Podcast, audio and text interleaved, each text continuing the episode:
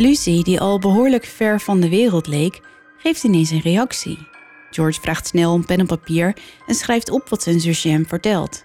Op het papiertje dat George in zijn handen heeft staan enkele vreemde dingen, zoals kruiden en ingrediënten. En ineens realiseert hij zich dat hij een recept voor zich heeft. Ze willen Walter drogeren met whisky en slaappillen, terwijl Mary zich voordoet als zijn vrouw. Huh? Ja, ze kopen een pruik, die lijkt op het haar van Dorothy, zodat Mary zich kan vermommen. En ze bellen Roy's oude vriend uit de gevangenis, John Wooten, om hen te komen helpen. Oh, dit klinkt echt als een vreselijk slecht plan.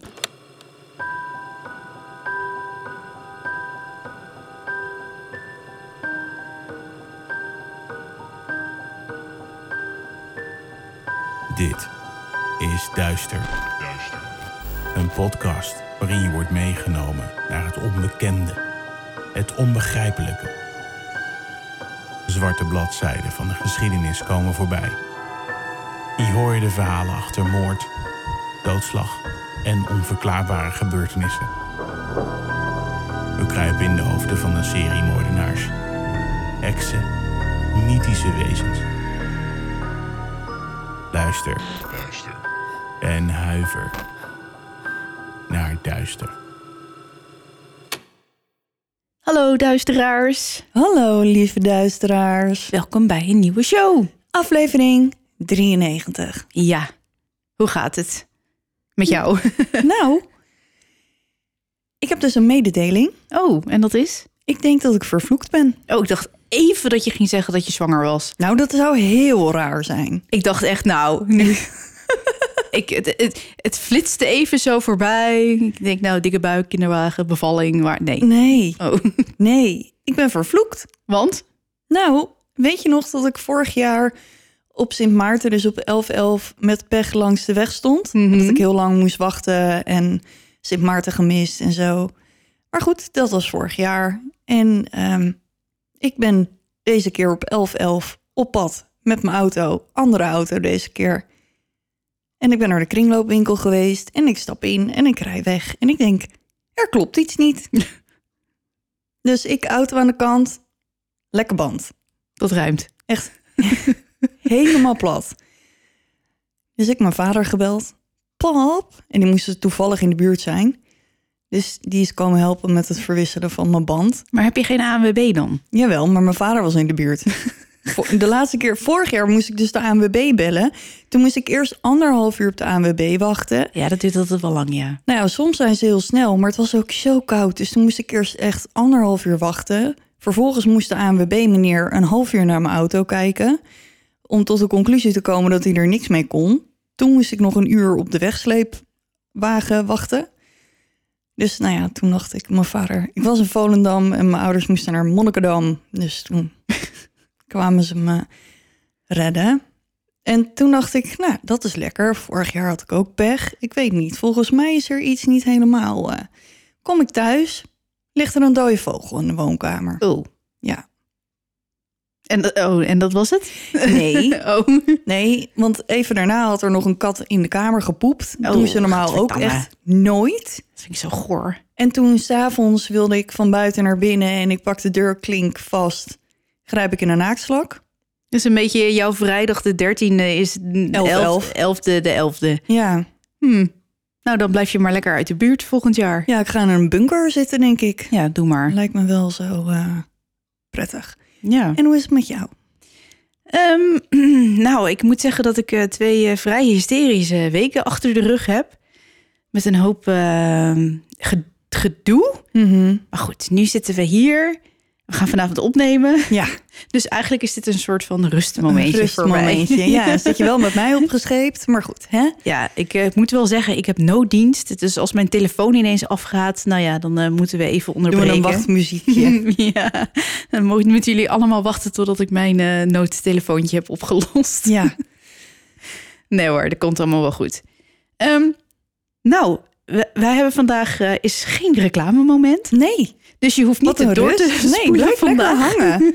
Ja, We hebben helemaal geen gekke dingen. Nee. Geen, geen aanprijzingen, geen winacties. oh, oh, ik wil nog wel iemand de groeten doen. Oh, vertel. Meer mensen trouwens. Allereerst de meer- mensen van de PostNL die ik heb gesproken de afgelopen tijd. Oh. Want eh, dan zeg je ja, met duister. En dan, hm, geen idee. En dan moet ik mijn e-mailadres geven. En dan is het kimberlyduisterdepodcast.nl. En toen zeiden ze, oh, oh. Maar volgens mij heb ik ook wel eens geluisterd. Oh. En de ander zei, oh, ik ga luisteren. Dus nou, als je van de PostNL bent en je hebt me gesproken, eh, leuk dat je luistert. Ja.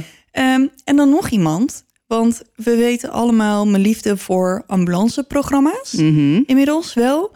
En één keer in de zoveel tijd krijg ik zo'n opleving en dan ga ik naar vacatures zitten kijken voor de meldkamer. Oké. Ja. Ik zag er van de week nog één eh, voorbij komen. Ja, in Amsterdam zoeken ze er... een- eh, politie. Ja, bij de politie zoeken ze er inderdaad een hele hoop. Ehm, ik heb ook nog naar de ambulance gekeken, maar ik, ik heb geen eh, verpleegkundige opleiding. Dus daar kan ik sowieso niet terecht. Nee. Ehm, maar goed, dat... Maar dat kun je altijd nog doen, hè? Als je dat echt heel leuk vindt. Ja, nee. Ik, gewoon de meldkamer lijkt me echt een geweldige baan. Om dan vervolgens iedere keer weer opnieuw tot de conclusie te komen dat ik dus nooit nachtdiensten zou kunnen werken. Ehm, dus dan gaat mijn droom is dan gelijk weer in duigen gevallen. Totdat ik over een paar maanden weer denk. Ik ga op zoek naar vacatures. Maar dat kun je trainen, hè, nachtdiensten. Ehm, je weet dat ik al jaren niet slaap en overdag al helemaal niet. Nou ja, als je dan s'nachts toch niet slaapt, kun je net zo goed een nachtdienst draaien. Ja, maar ja, ik kan dus niet overdag slapen. Dus dat is een beetje. Kijk, de nacht. Ja, maar dan ben je misschien toch wel zo moe dat het dan toch lukt. Ja, maar als ik eh, de hele nacht wakker lig, dan, of een week lang de hele nacht wakker lig, dan kan ik de volgende dag ook niet overdag slapen. Hm. Ehm, maar in ieder geval, om even terug te komen bij mijn verhaal. Ik weet dat onze, een van onze luisteraars een tijdje geleden de stap heeft genomen om zijn carrière vaarwel te zeggen en eh, te gaan werken bij de meldkamer. Oh, En terwijl ik dus op zoek was naar vacatures, kwam ik dus een interview met hem tegen over hoe hij het vindt daar. Ehm, dus Erik, als je het nog steeds heel leuk vindt, ik hoop het. Ehm super stoer dat je het gedaan hebt. en ik hoop dat je nog steeds op je plek zit daar. ja, dat, eh, lijkt, eh, dat lijkt me ook wel een hele toffe baan. Ja, super Maar ook stressvol. wel eh, stressvol, ja. Je Ja, moet en er wel, heftig. Ja, we hadden hier vanavond... ehm, eh, mijn, eh, mijn zoon, Vender Mhm. heet hij, is eh, een jochie van zes... en nog best wel onder de indruk van blauwe lampen en zo... En er was hier eerder op de avond een, nou ja, ik denk niet zo'n fijn voorval. Want er stonden hier twee ambulances, politie, brandweer, het hele, Oh, hele jeetje. circus. Ja, maar dat blijft toch wel indrukwekkend als dat zo oprukt en Ja. het scheurtje straat in. En dus eh, hij vroeg, mag ik kijken? Ik zeg, nou liefje, kom maar gewoon mee naar huis. Ja, dat lijkt me niet een heel dat zijn niet zulke dingen die je graag wil zien. Maar Nee. het blijft eh, imposant altijd, vind ik wel. Ja, en eh super veel respect. We hebben het natuurlijk vorige keer dat we de politie Ja. hadden natuurlijk ook al gezegd. We zijn heel blij dat ze er zijn. Zeker. Eh, maar die mensen kunnen zonder centralisten ook hun werk niet doen. Nee. Dus aan iedereen die er werkt, politieagent, in de zorg, ambulance, super goed gedaan. ja. Goed, Oh. nou, ehm, zal ik maar gaan beginnen? Want ja, we kijk, nu hebben we niks in de voorkant en dan nee, gaan we heel het wel voor. Precies. hoeren. Oké, dan eh, ga ik gewoon beginnen. Toch? Doe maar. Oké.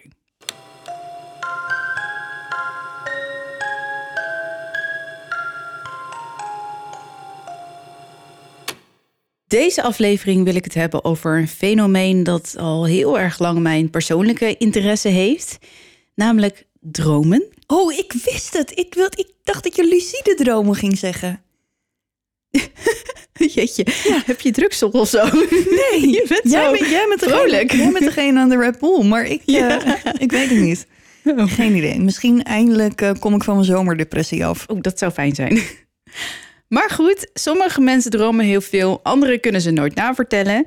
Allebei schijnt heel normaal te zijn, maar wat nou hè, Kim? Hm. Als je met dromen anderen zou kunnen genezen.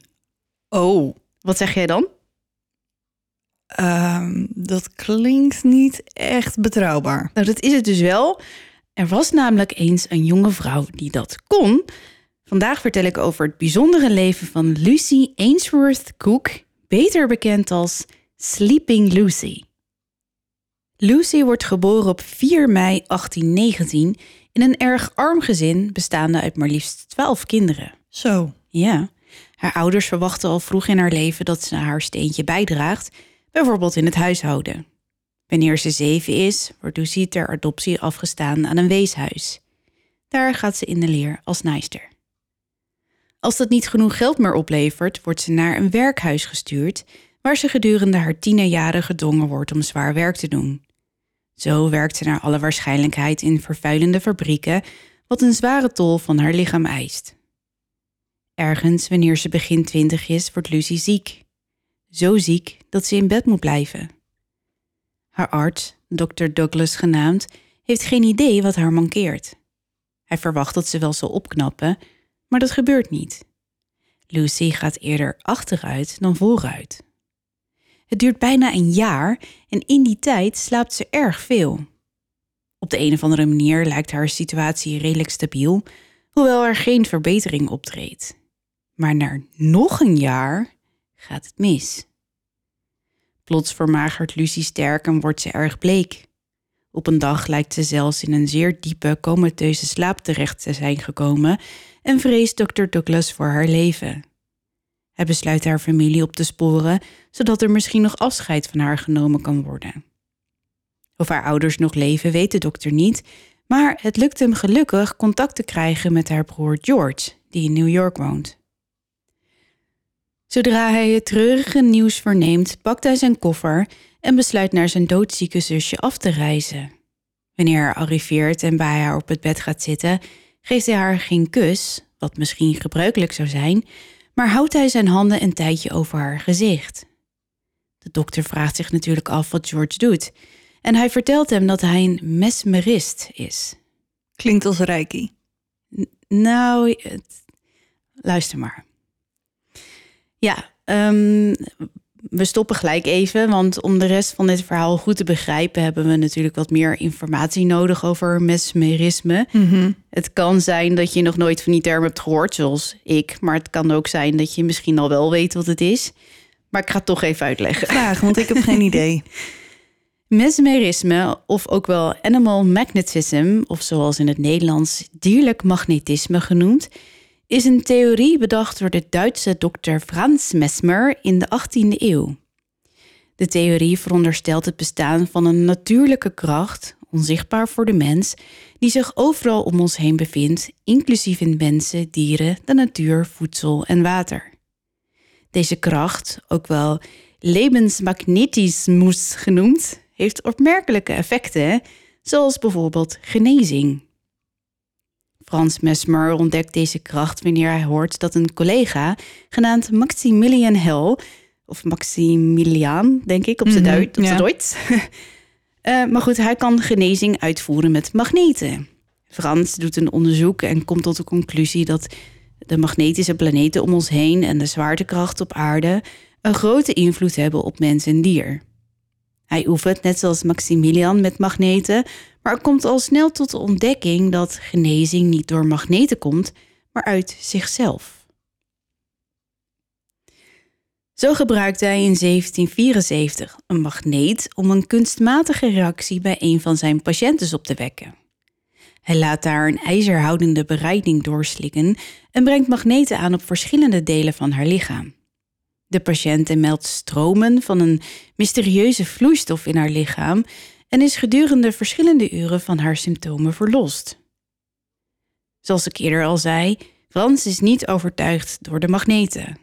Hij meent dat hij zelf degene is geweest die de patiënten van haar kwalen heeft verlost. Volgens hem is het gelukt om een magnetische kracht uit zijn omgeving te halen en die dan op de patiënt te projecteren, waardoor hij een stroom teweeg heeft gebracht die zij duidelijk in haar lichaam voelde. Ja. Na enige van dit soort succesverhalen weet dokter Frans een naam voor zichzelf op te bouwen. Maar na een mislukte genezingspoging op een blinde jonge vrouw verhuist Frans plots naar Parijs om daar zijn nederlaag te ontvluchten, waar hij vervolgens met gemengde gevoelens wordt ontvangen. Om licht te werpen op wat hij nou precies doet, schrijft hij een boekje van 88 pagina's voor de Parijzenaars, genaamd Mémoire sur la découverte du magnétisme animal, waarin hij 27 van zijn behandelmethoden uitlicht. Zo beschrijft hij bijvoorbeeld dat de gezondheid gezien kan worden als het proces van duizenden vrije stromingen in het lichaam. Wordt een stroming geblokkeerd, dan ontstaat er ziekte. Als het lichaam de ziekte niet zelf bestrijdt, dan is er een geleider van het dierlijk magnetisme nodig om de blokkade in het lichaam op te heffen, zodat de stroom weer vrijelijk zijn gang kan gaan en de patiënt geneest. Uiteindelijk trekt het mesmerisme talloze aanhangers in Europa en de Verenigde Staten en is extreem populair tot in de 19e eeuw. Beoefenaars staan vaak bekend als magnetiseerders in plaats van mesmeristen. De theorie heeft een tijd lang een belangrijke invloed op geneeskunde vanaf het einde van de 18e eeuw. Tegenwoordig wordt mesmerisme bijna niet meer gebruikt als reguliere behandeling, maar valt nog wel te vinden in alternatieve geneeswijzen.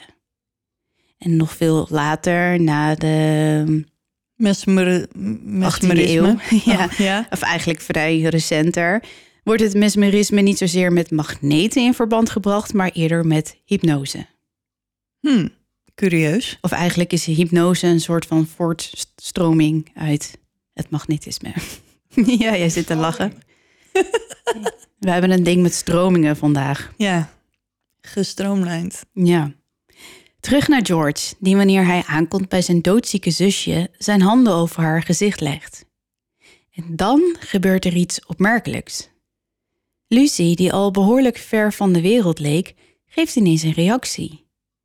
Plots begint ze te mompelen en te draaien met haar hoofd en begint ze te praten.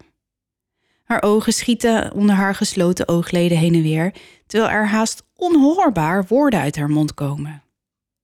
George vraagt snel om pen en papier en schrijft op wat zijn zusje hem vertelt. Na zo'n twintig minuten blijft ze stil en valt ze in een diepe, maar dit keer kalme slaap.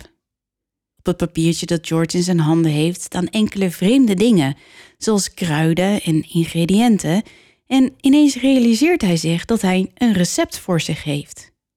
Haastig geeft hij het aan de dokter met de opdracht het recept daadwerkelijk te maken. En dan gebeurt er een wonder. Wanneer Lucy weer bij kennis is, herkent ze haar broer.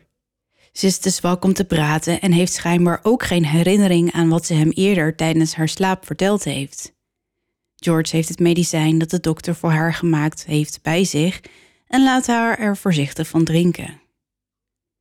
Jammer genoeg is niet bekend wat de combinatie van de ingrediënten was, en het is ook niet vreemd dat Lucy het medicijn zomaar inneemt zonder dat ze weet wat het effect zal zijn. Lucy's tijdperk is wat dat betreft toch wel een beetje bizar, gezien wat we nu over geneeskunde weten. Zo geven ouders morfine aan hun jonge kinderen wanneer deze tandjes krijgen. Arsenicum en lood worden veelal gebruikt als remedie of als make-up, en cocaïne wordt gebruikt als anesthesiemiddel. Hoe dan ook, het middel werkt. Lucy knapt zien haar ogen op en binnen een dag of drie kan ze voor het eerst in twee jaar opzitten in bed. Ze krijgt haar kleur terug op haar wangen en kan weer kleine beetjes eten. Na een week kan ze zelfstandig naar het toilet en na een maand is ze alweer aan het werk. Zo, Ja, dat is vlot. twee jaar hè, in bed gelegen. Een maand. En dan heb je toch ook helemaal geen... geen dan zijn je spieren zijn toch helemaal... Ze gaat zo snel vooruit Ja. dat ze dus gewoon weer alles kan. Wauw. En dat allemaal door ingrediënten voor een recept dat ze zelf tijdens haar eigen slaap aan haar broer heeft doorgegeven. Dr. Douglas heeft een hoop vragen, maar ziet ook een kans. Want wat als Lucy niet alleen haarzelf kan helpen, maar ook anderen? Hij wil deze gaven samen met haar uitwerken, want het is nogal bijzonder dat een vrouw zonder enige medische kennis op deze manier voor haar eigen genezing heeft gezorgd. En dus besluit hij met haar te oefenen. In zijn praktijk leert hij Lucy in slaap te vallen en in een transachtige staat terecht te komen. Patiënten met lichte kwalen komen langs en voor 50 cent vertelt Lucy tijdens haar slaap wat ze mankeren en wat daarvoor de remedie is. Het is raar, maar het werkt. Telkens heeft Lucy het bij het juiste eind. Dr. Douglas is zo onder de indruk dat hij zijn reguliere praktijk sluit en een hele nieuwe met haar opstart, met Lucy aan zijn zijde als helderziend arts. Lucy is natuurlijk geen arts en zo wil ze liever ook niet genoemd worden, Maar zij en de dokter zien deze term als enige manier om serieus genomen te worden door het grote publiek. Ja, en te beschrijven wat ze precies doet. Doet. Ja. Ja, we hebben niet zoals dokter Linda Hazard, die ook geen arts was, maar dat wel claimde. Ja, Maar Lucy is wel echt een heel ander kaliber mens ook. ja. Uiteindelijk lukt het Lucy niet alleen om remedies tegen kwalen te ontdekken tijdens haar slaap. Ook haar handen blijken onnatuurlijke, of misschien juist wel heel erg natuurlijke, krachten te bezitten. Met een lichte aanraking kan ze hoofdpijnen verdrijven, menstruatiebloedingen verminderen, spierpijnen oplossen en zelfs schouders uit de kom terugzetten. Ze kan met haar handen ontstekingen in een lichaam aanwijzen, onverklaarbare pijnen wegnemen en laat patiënten met jarenlange chronische en reumatische klachten pijnvrij en heel erg opgelucht naar huis gaan. Ze schrijft haar patiënten zalven voor of tincturen, soms oliën en soms siropen, maar de meeste recepten hebben allemaal natuurlijke ingrediënten. Uiteraard zijn er ook mensen die niet op haar instinct vertrouwen, maar hoe het ook zij, Lucy Ainsworth bezit een feilloze intuïtie, een pragmatische instelling, een zachtaardige uitstraling en neemt de tijd voor hen die haar hulp zoeken. Ze is heel anders en niet vergelijkbaar met sommige kwakzalvers, die meestal een tijdje lang ergens hun onzin verkondigen en dan vervolgens de benen nemen. Lucy heeft een eigen plek, een praktijk, waar ze al minstens drie jaar haar beroep uitoefent. En het is ook zichtbaar wat ze doet. Patiënten knappen op, voelen zich duidelijk beter en komen bij haar terug wanneer ze opnieuw haar hulp nodig hebben. Het woord over deze vrouwelijke dokter met haar bijna magische krachten verspreidt zich snel en uiteindelijk krijgt ze zo haar bijnaam Sleeping Lucy. In 1844 leert ze haar toekomstige man kennen, Charles Cook, die net als haar broer een mesmerist blijkt te zijn.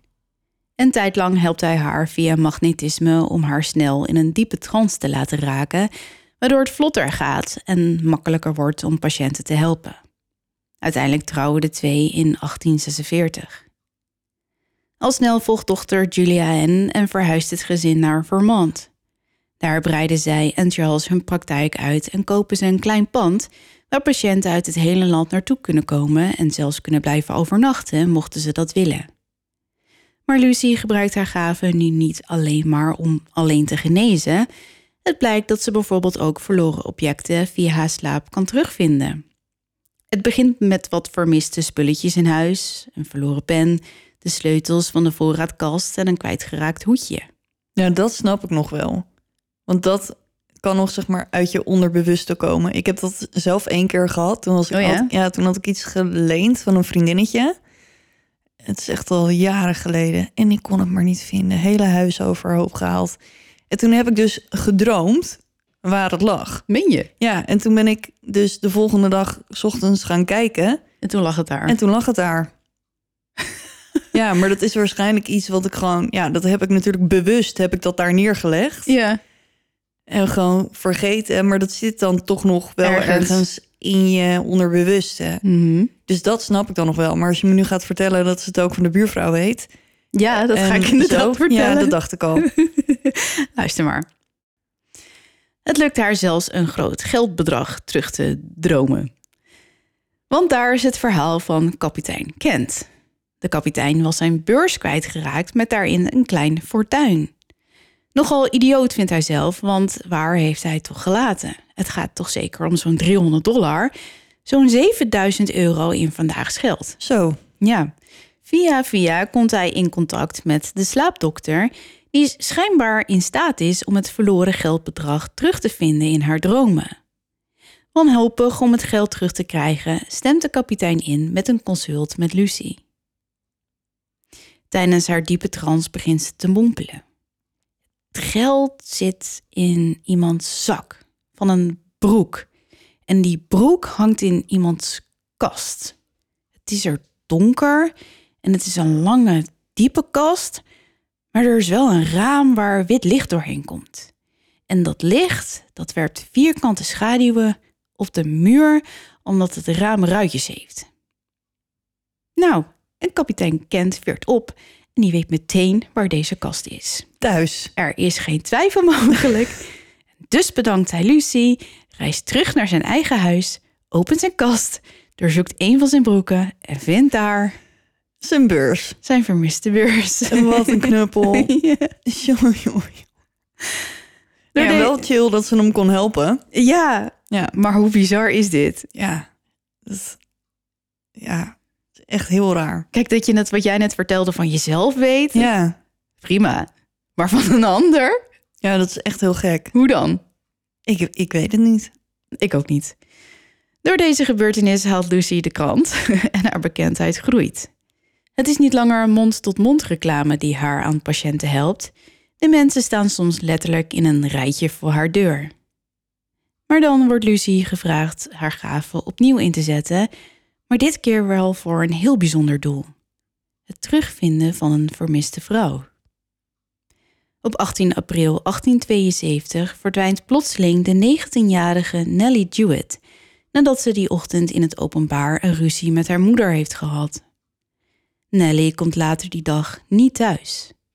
Hoewel haar moeder zich zorgen maakt, doet de politie dat niet. Nellie zal ongetwijfeld haar spullen hebben gepakt en naar Boston zijn vertrokken om daar een eigen leven op te bouwen. Maar echt bewijs dat Nellie daadwerkelijk naar Boston vertrokken is, is er niet en een van de agenten deelt de bezorgdheid van haar moeder. En dus doet hij een gedurfd voorstel. Wat als de Sleeping Lucy om hulp vragen? Mag ik heel even onderbreken? Dit is ook echt een verhaal zo oud als de weg naar Rome, hè? Ja, Eh, nee, ze is vast weggelopen. Eh, ze komt wel weer terug. Ja. Ja, niet dus. nee. Maar goed, de commandant stemt toe en dus gaat het hele zootje op weg. Lucy stemt toe en tijdens de trance komt er al gauw slecht nieuws. Ze geeft aan dat Nellie naar alle waarschijnlijkheid niet naar Boston vertrokken is, omdat ze volgens haar niet meer leeft. Ja, ze vertelt de politie naar het lichaam te zoeken bij de Monadnock Mills Dam. De agenten nemen meteen het nieuws serieus en starten een zoektocht. En diezelfde avond nog vinden ze het lichaam van Nellie bij de dam. Nou, dat meen je niet. Mhm. Hoe bizar ook, maar dit is echt waar. Iedereen staat ervan te kijken hoe bijzonder Lucie's gave eigenlijk is. De politie realiseert zich dat ook, want later dat jaar vragen ze haar hulp nogmaals bij een vermissing. Helaas zijn er geen details bekend over deze zaak, behalve dat het een complexe schijnt te zijn geweest. Het is ook meteen de laatste zaak die Lucy voor de politie doet. Er wordt gezegd dat ze zich liever bezighoudt met de levenden dan met de doden. Dan wat ik misschien ook wel kan begrijpen. Dat kan ik me ook wel voorstellen. Ja. Ja, hoe bijzonder haar gave dan ook mag zijn. In 1876 sterft haar man plotseling. Lucy laat haar leven in Vermont achter en vertrekt voorgoed met haar dochter naar Boston. Daar spendeert ze 19 jaar aan het opbouwen van een nieuwe praktijk. En het gaat voorspoedig. Haar gave laat haar bijna nooit in de steek. Uiteindelijk helpt ze, naar eigen zeggen, zo'n 200.000 mensen. Wow, dat zijn er echt heel veel. Ik dacht nog dat ik het verkeerd had gelezen. Ik dacht nog 20.000, Ja. maar het zijn er volgens haar echt heel erg veel. Maar ik kan me ook wel voorstellen dat je tempo misschien hoger ligt dan bij een gewone arts. Want je hoeft niet bloed te prikken en Nee. eh, röntgenfoto's te laten maken en medicijnen voor te schrijven. En al die dingen die een, zeg maar, een Ja. reguliere arts doet. Ja, Ja, zij hoeft alleen maar de ogen dicht te doen en zeg maar eh, Tadaa. magnetisch te voelen ja. eh, wat er aan de hand is. Dus je kan, ja, als dat het is, ja het, dan het, duurt het het. verloop is wat sneller. Ja, dan is het natuurlijk geen proces van weken per Nee. patiënt. Nee, nee, dat is helemaal waar. Nu Charles er niet meer is om haar snel in een diepe trance te krijgen, neemt ze een assistent in dienst, genaamd Everett Reddin, die haar vanaf dit punt zal helpen. Ze leert hem magnetisme en later ook het mesmerisme. Uiteindelijk raakt Lucy verliefd op Everett, maar er gaan geruchten dat hij alleen met haar trouwt vanwege haar kleine fortuin dat ze na al die jaren heeft weten op te bouwen. Door de beslissing van haar moeder trekt Julia Ann aan het kortste eind en besluit ze te vertrekken wanneer ze begin twintig is. Zij en Lucy spreken elkaar jaren niet en Lucy schijnt zelfs van plan geweest te zijn om haar dochter te onterven. Julia trouwt en krijgt haar eigen gezin. Ze ziet haar moeder in 1895 pas weer, wanneer deze stervende is aan darmkanker. Naar verluid zorgt Julia voor haar moeder in haar laatste dagen en heeft ze ogenschijnlijk grote moeite met de gedachte dat haar moeder, die duizenden hielp, comfort bracht en hen met haar helende handen genas, nu niet de kracht heeft om zichzelf, net als in haar jonge jaren, te helpen. Lucy sterft op 24 mei 1895 op 76-jarige leeftijd en met haar een uitzonderlijke gave. Tot slot, er zijn heel wat mensen geweest die onderzoek naar Lucy deden na haar dood.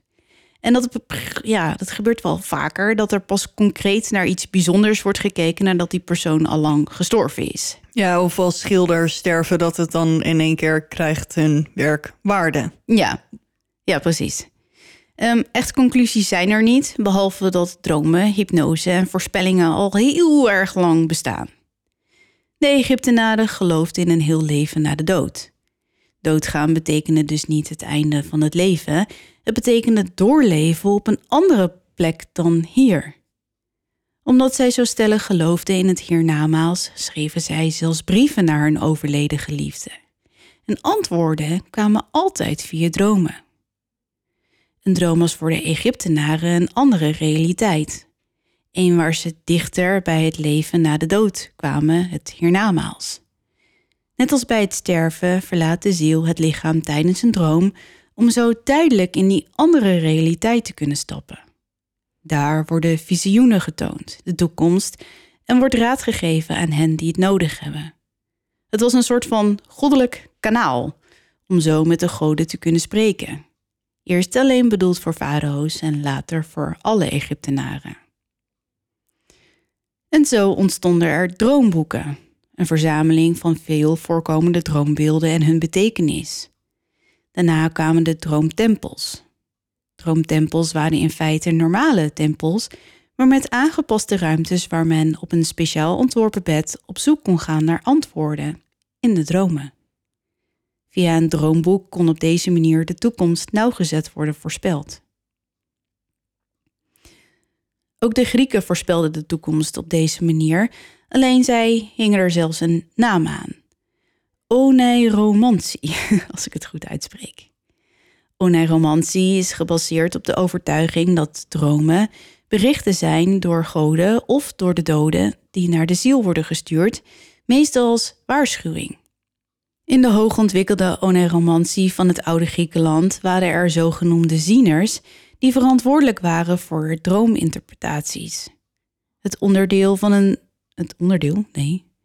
Het oordeel van een ziener had vaak grote politieke en sociale invloed. Zo werden huwelijken bepaald en oorlogen gestart, maar minder intense zaken als wat eten we vanavond, werd ook op deze manier bepaald. De meen je? Ja. Ook in de middeleeuwen waren dromen en hun betekenis erg belangrijk. Ze werden meestal gezien als een waarschuwing van wat er stond te gebeuren, als een soort goddelijke interventie op misschien een slechte keus of daad. De droom werd meestal in een religieuze context geplaatst en uitgelegd aan de hand van vergelijkbare situaties uit bijvoorbeeld de Bijbel. Ook helende dromen waren veel voorkomend.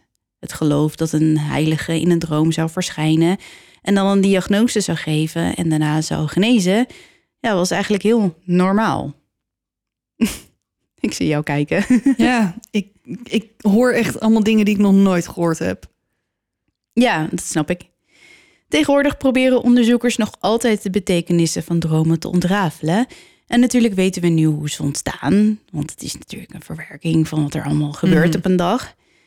Ehm, maar wat nou als ze toch een diepere betekenis hebben? Een verborgen waarheid of een aanwijzing voor het dagelijks leven? Ik hoop het, want dan ga ik vast met een knappe prins trouwen ooit. ja.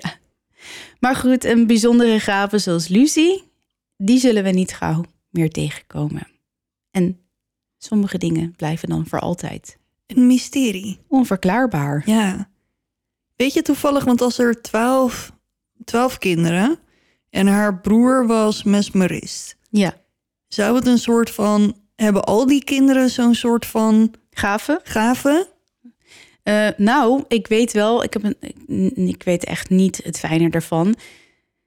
Eh, Maar ze had nog een broertje en die probeerde een beetje een slaatje te slaan uit het feit dat zijn zus de beroemde Sleeping Lucy was. Hm. En hij claimde ook zoiets te kunnen, maar hij was gewoon een fakie. Een fakie? Ja. Een fakie. Ja, ja, en dat, dat, dat kwam heel snel en het stopte ook weer heel snel. Want mensen dachten, ja, doei vriend. Ja. Hm. Nee, maar je zou dan denken als er... Ja, misschien zit het dan in de genen. Is het een familieding of zo? Ja, nou ja, je hebt het ook, je hebt natuurlijk ook wel eens families waarbij de een echt gigantisch goed kan viool spelen en de ander gewoon helemaal niet. Dat klopt, ja. Maar ja, de kans is wel groter als je twaalf kinderen hebt... dan als je er twee hebt. Denk dat is ik. waar. Dat is waar. Maar überhaupt, dit, ik, wow, dit hele verhaal. Ja, Ja, ik vind het het. valt zo moeilijk te geloven. Ja, maar dit is dus gewoon echt gebeurd. Ja, Er zijn helaas maar heel weinig gegevens bekend over dit verhaal. Eh, ja, alles wat ik je heb verteld is wat er bekend is. Ook bijvoorbeeld niet, het is zo jammer dat we niet weten wat er in dat drankje, drankje zat, wat ze Ja. zichzelf voorschreef. Ja, ja, en ik zat nog te denken, kijk, we hebben natuurlijk nog niet zo lang geleden, en je had het net al even over de Linda Hazard gedaan. Mhm. Ehm, maar die berokkenen der patiënten gewoon echt schade. Ja, Ehm, en dat is in dit geval gewoon niet zo. Dus dan Nee. heb je in mijn boek altijd al een streepje voor. ja, Eh, of het nou waar is wat je doet of niet. Maar zolang er niemand slechter van wordt, dan is het dan prima. kan ik, nou ja, prima. Is Nou in ja. sommige gevallen, maar goed. ehm, Kijk, je hebt natuurlijk ook zoiets als een placebo-effect. ja, Als veel mensen positief over iets zijn, dan zijn er ook mensen geneigd om ook positief over iets te zijn. Ja, of als iemand zegt, nou, dit is het helende drankje die al je problemen ehm, doet verdwijnen, dan kan het ook zomaar zijn dat alles ook daadwerkelijk verdwijnt. Ja, maar ja, eh, schouders uit de kom terugzetten met alleen maar een aanraking vind ik wel. eh, Ja, ik vraag me af hoeveel pijn dat heeft gedaan. Oeh, daar moet ik niet aan denken. Maar goed, Lucy was wel een, een fijn mens ook. Heel anders dan dokter Li- Linda Linda Hazard. Ik wilde lizard zeggen. Dat Nou was ja, ook dat al een ook beetje. niet, ja. nee, zij was gewoon zacht en vriendelijk. En nou ja, gewoon een fijn persoon. Mhm. Dus dat is altijd al prettig. Nou, eh, ik ben blij dat jij een fijn persoon had. Je hebt niet zo'n fijn persoon. Nee, wat een verrassing hè. Oh ja. Je nou. vast niet aankomen. Moet ik me weer voorbereiden op het ergste? Eh, ja. Oké, nou, vooruit dan maar.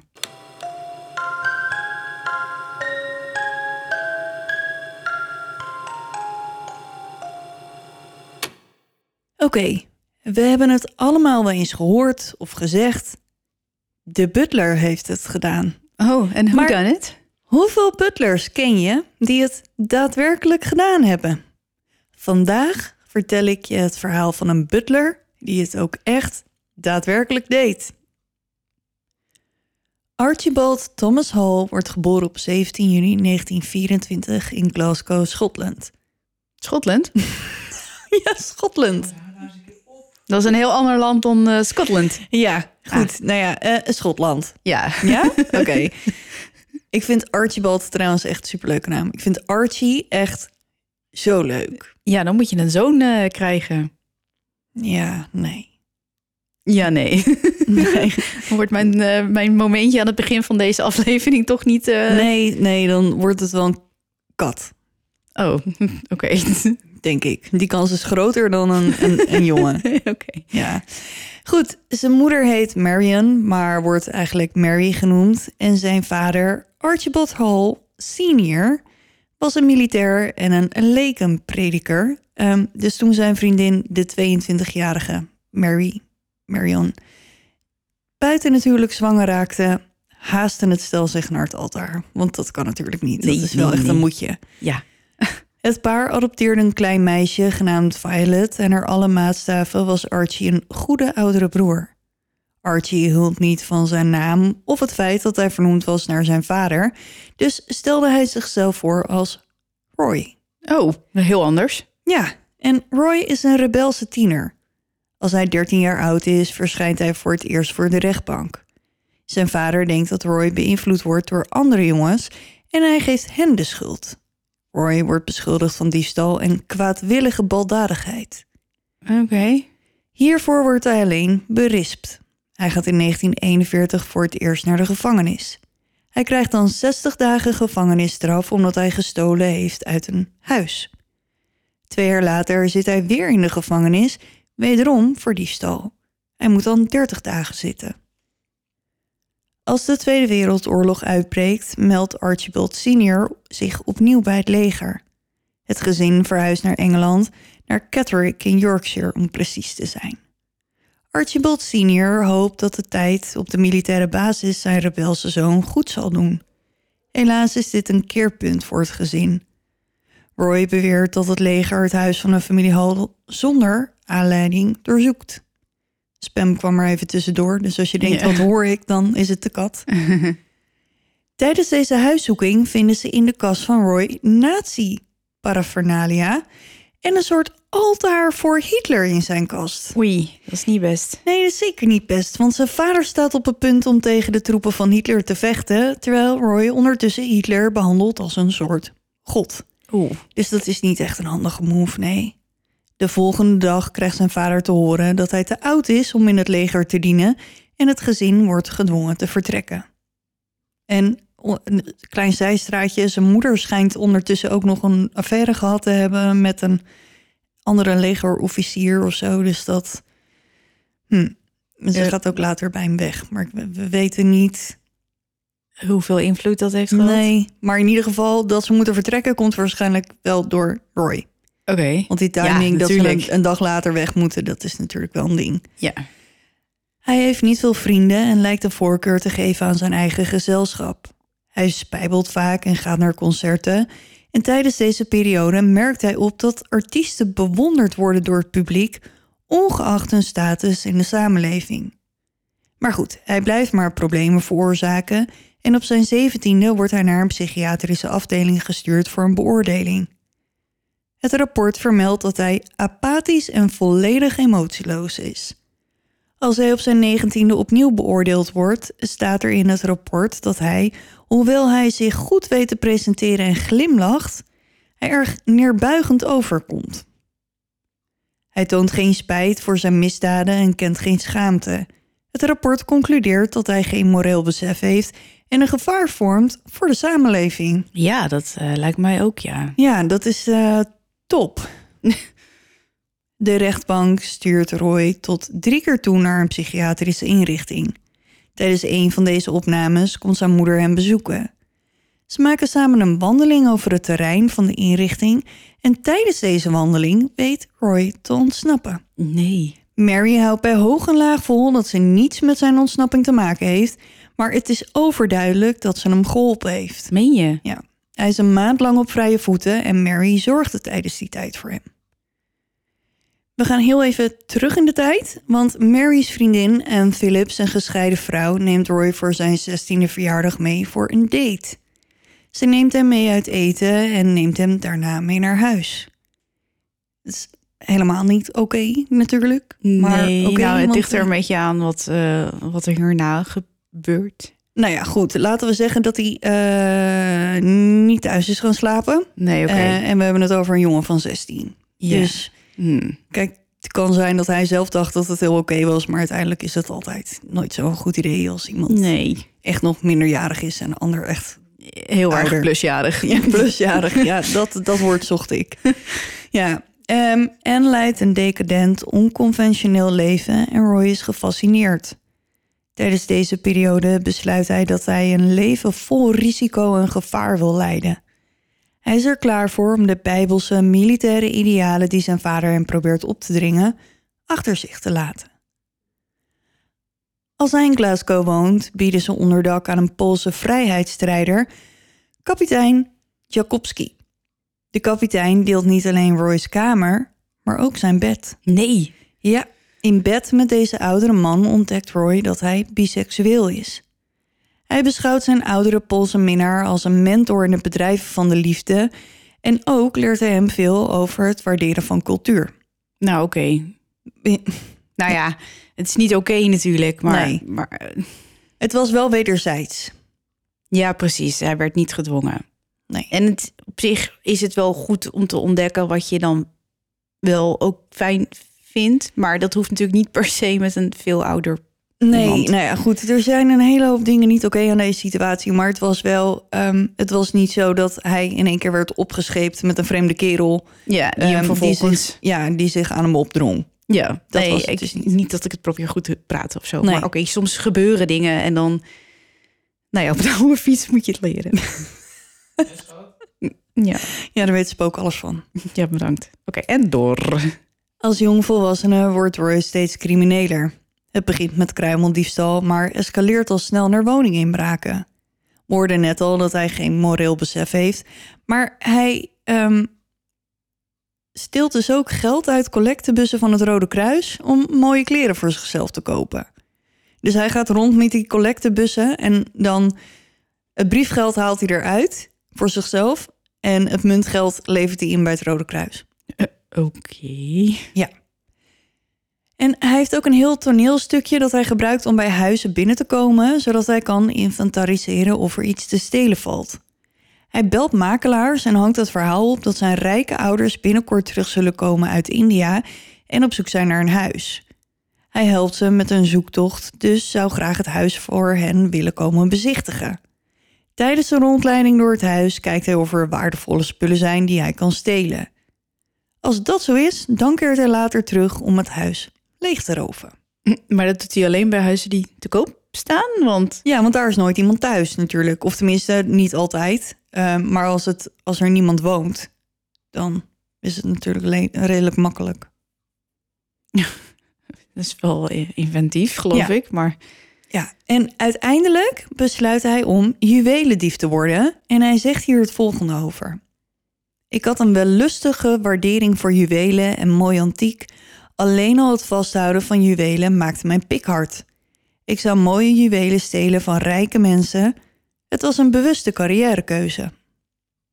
Ja, ik heb het ook niet bedacht, hè. Dit zei hij letterlijk. oké. Je zit me aan te kijken. Ja, ik kan er ook niks aan doen. Nee, ja, dat snap ik. Don't shoot ik, the messenger. Ik was even... ja, je zag hem niet aankomen. Nee. Nee. Hij zet een tijdje de opbrengst van zijn gestolen spullen apart en met het geld dat hij zo verdiend heeft, verhuist hij naar Londen. Hij brengt veel tijd door in Soho, waar in die tijd veel gangsteractiviteiten plaatsvinden. Roy blijft uit de buurt van de bendes, want hij wil zich daar niet mee bemoeien. Hij ziet zichzelf liever als een soort van tedere verhuizer van spullen. Hij ontdoet rijken van hun juwelen en zilverwerk en ruilt ze voor geld. Hij stelt zich trots aan vreemden voor als antiekhandelaar, een perfecte dekmantel voor iemand met zijn carrière, natuurlijk. Als hij probeert om juwelen te verkopen die hij in Schotland heeft gestolen, wordt hij gepakt en naar de gevangenis gestuurd. Hij gaat niet bij de pakken neerzitten, hij gebruikt deze tijd binnen de muren van de gevangenis juist om zich verder te ontwikkelen. Hij leidt zichzelf op en leert over antiek en etiketten. Een vreemde vogel, deze vent. Ja, zijn transformatie valt de andere gevangenen op. Ehm, zijn Schotse accent begint te verdwijnen en hij begint steeds keuriger te praten. Ook past hij de etiketten waar hij over geleerd heeft toe. Iets dat totaal misplaatst is in een omgeving zoals de gevangenis. Maar hij heeft een doel. Hij moet zichzelf transformeren zodat hij niet uit de toon valt tussen de rijken en de aristocratie. Hm. In die tijd is het in Engeland illegaal om homoseksueel te zijn. De meeste homoseksuele mannen zijn voor de schijn getrouwd met vrouwen en ontmoeten hun vrienden en minnaars op discrete locaties. Roy Hall noemt zichzelf nu Roy Fontaine. Zijn naam is geïnspireerd door Joan Fontaine, die een rol speelt in Alfred Hitchcock's Rebecca. Nadat hij haar tegenover Laurence Oliver heeft zien spelen, is hij smoorverliefd. Met zijn nieuwe naam infiltreert hij in de clandestine gay scene van de hogere klasse in Londen. Roy Hall is een kruimeldief uit Londen. Roy Fontaine is een Londenaar die als butler werkt, een felbegeerde positie in het huishouden van de aristocratie. Dus, snap je hem? Ja, ja, ja, zeker. Oké, dus nu met zijn nieuwe naam is hij helemaal fancy smancy. Ja, hij heeft Roy Hall helemaal achter zich gelaten. Ja, die ligt nog in Schotland ergens. ja. Ehm, dus Roy Fontaine is nu... Ja, dit is de nieuwe Roy. Ja, man. Ja. Met zijn nieuwe naam wordt hij een oplichter die zich vaak voordoet als een rijk Amerikaan of een lid van een aristocratie. Hij heeft een air van superioriteit om zich heen die hem een overtuigende snop maakt. Hij heeft nooit een opleiding tot butler gevolgd en zijn referenties en ervaring vervalst. Hij is een overtuigende acteur en weet zijn werkgevers te charmeren. In het naoorlogse Engeland is het hebben van een butler een echte luxe. Als een welbespraakte, onberispelijk geklede kandidaat aanklopt, dan krijgt hij vrijwel zeker de baan. In 1964 krijgt Roy een gevangenisstraf van 10 jaar. Hm? Ja. Na twee jaar vindt hij het wel welletjes en hij weet te ontsnappen. Wat? Wacht, wow, waar, hoezo? Ja, dat weet ik niet. Waarschijnlijk diefstal. Eh, de- maar oké, maar hij werkt dus als butler Hm? en wordt dan, heeft waarschijnlijk iemand bestolen, Ja. eindigt in de gevangenis Mhm. en ontsnapt na twee jaar. Ja, hij had er genoeg van. Ja, en als hij op vrije voeten is, ontmoet hij eh, Margaret, een zwanger Iers meisje. Ze leven samen als stel en om in hun levensonderhoud te voorzien, gaat Roy door met stelen en oplichten. In deze periode bevalt Margaret van een meisje en ze noemen haar Caroline. Er komt al snel een einde aan het geluk van het jonge gezin als hij in 1966 opnieuw wordt opgepakt.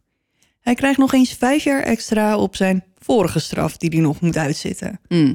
Later beweert Margaret dat het geen echte liefde was tussen de twee ehm, en dat ze altijd heeft geweten dat hij biseksueel is. Ze verhuist naar Canada en laat Caroline achter bij Marion, die inmiddels Wooten heet, dus de moeder van Roy. Mhm. Ehm, en zij adopteert haar. Oké. Ja, gedurende zijn leven noemt Roy Caroline zijn dochter, hoewel hij nooit echt een vaderfiguur voor haar was. In 1972, als hij acht jaar heeft gezeten, wordt hij vrijgelaten. Tijdens zijn verblijf in de gevangenis heeft hij een serieuze relatie gekregen met een medegevangene, David Bernard. Als Roy vrijkomt, belooft hij een huis voor hen te zoeken waar ze samen kunnen wonen als David vrijkomt, zodat ze samen een leven kunnen opbouwen. Als hij op vrije voeten is, duurt het niet lang voordat Roy Belfast Mary ontmoet. Die eigenlijk Mary Coggle heet. En nou het klikt enorm tussen hen. Ze ontmoeten elkaar in het Whittingham Psychiatrisch Ziekenhuis waar Mary werkt. Roy is hierheen gestuurd door de rechtbank als voorwaarde voor zijn vrijlating. Mary heeft acht kinderen van wie ze vervreemd is en ze vult haar inkomen van het ziekenhuis soms aan met sekswerk. Ze is een geheide tante en zij en Roy worden een soort van friends with benefits als Roy niet in de gevangenis zit. Want ja, als je wel in de gevangenis zit, wordt dat nogal lastig. Mhm. Een vriend uit de gevangenis stelt Roy voor aan een mevrouw genaamd Ruth Holmes. En jaren later geeft Roy toe dat zij de enige vrouw is van wie hij ooit echt heeft gehouden. De twee krijgen een relatie, maar Roy heeft aan haar alleen blijkbaar niet genoeg, want hij blijft David ook zien. Roy en Ruth trouwen in 1972. En die andere chick is alweer vervlogen. Ja, maar dat was alleen Friends with Benefits. Jezus. Dus dat was gewoon een avontuurtje. Oké. Het huwelijk houdt echter geen stand, want als Roy weer in de gevangenis terechtkomt, scheiden de twee. Hij zegt blijkbaar tijdens een van haar bezoeken aan hem in de gevangenis dat ze hem beter kan verlaten omdat hij nooit zoveel van haar zal kunnen houden als van David. Wow. Ja, Sorry, maar... maar echt- dit is dan wel de vrouw waar, waar hij het meest van heeft gehouden ooit. Ja, ja. Ja, Een soort van Henry de Achtste, zeg Ja. maar. nee, ik hou van jou het meest, maar ik laat je toch onthoofden. Ja. Als David vrijkomt, is Belfast Mary degene die hem bij de poort zat op te wachten.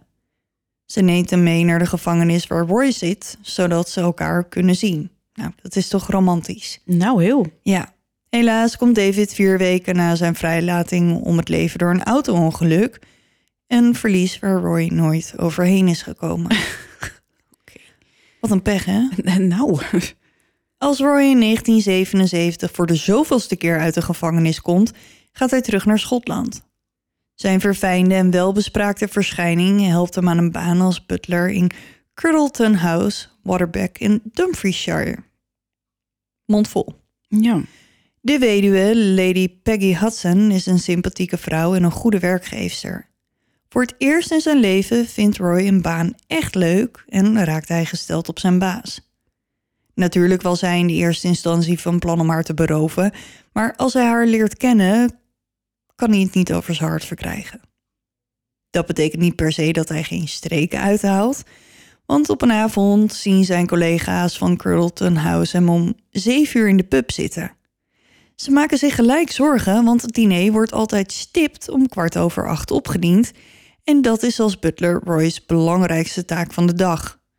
Als ze hem vragen waarom hij nog steeds in de pub zit, tilt hij en grijnst het mee dat hij alle klokken in het huis achteruit heeft gezet. dus daar. Dat is echt iets wat een twaalfjarige zou Ja. doen. Ja, wel slim. Ik bedoel, ze hadden nog geen smartphones, dus dat kon toen gewoon nog. Nou, ik, dit is echt iets wat een twaalfjarige zou doen. Ja, nou ja, goed, dit vind ik dan wel grappig. Heel even lijkt het erop dat hij zijn leven heeft gebeterd en zijn criminele carrière vaarwel heeft gezegd. Hij heeft een leuke baan en een prachtig huis met een fijne baas en hij heeft geen behoefte om iets crimineels te doen. Dat verandert echter als een van zijn oude maten uit de gevangenis een baan krijgt bij Curdleton House. David Wright, die Roy's minnaar was in de gevangenis van Hull, dus het is niet David die omkwam bij het auto-ongeluk, het is weer een andere minnaar die David heette. David heeft dezelfde bedoelingen als Roy: stelen van Lady Peggy. Als Roy de vriendin van David een ring van Lady Peggy ziet dragen, gaat hij verhaal bij hem halen. Roy overtuigt het meisje de ring terug te geven en David is woedend. Hij dreigt om Roy's verleden uit de doeken te doen bij Lady Peggy als hij de diefstal niet door de vingers ziet. Op een avond, als Lady Peggy de deur uit is, stilt David haar champagne. Hij grijpt zijn jachtgeweer en gaat Roy's kamer binnen. Roy wordt wakker als David een schot lost die, gelukkig voor hem, het hoofdeinde van het bed raakt. Het kost hem wat overredingskracht, maar Roy weet David ervan te overtuigen dat hij moet laten leven. Met dit bezoek aan zijn kamer tekende David zijn eigen doodsvonnis. Dus deze man die gaat gewoon zomaar uit een soort van oneenigheid tussen, tussen een diefstal tussen die twee, of eigenlijk van David van Lady Peggy, op moordjacht? Nou, dat kwam meer als een soort van eh, het feit dat David op hem heeft geschoten. Ja, dat bedoel ik. Die man die gaat dus gewoon vanwege een diefstal. Ja, want Op- die David heeft dus aan zijn vriendin die ring gegeven. Ja, snap ik. Maar Ja. Het is nogal heftig om dan meteen met je jachtgeweer iemand Ja, in koele bloeden door zijn hoofd te willen schieten. ja, maar goed, de champagne. Oké, stelen niet oké, maar zeg maar meteen moord is Ja, ja. helemaal niet oké. Nee, Oké. nee. Nou, niet oké, maar goed, je snapt me. Roy helpt de dronken David naar bed. Hij vertelt later aan auteur Rick Glanville dat hij David wijs maakte dat hij er wel weer aan toe was om zijn oude criminele gewoonte weer op te pakken. Hij zegt het volgende: Ik zal je vertellen hoe ik David heb vermoord. We hadden afgesproken wat we zouden stelen. Hij nam te veel. Ik voerde hem dronken tot hij straalbezopen was, nam hem mee naar boven en neukte hem.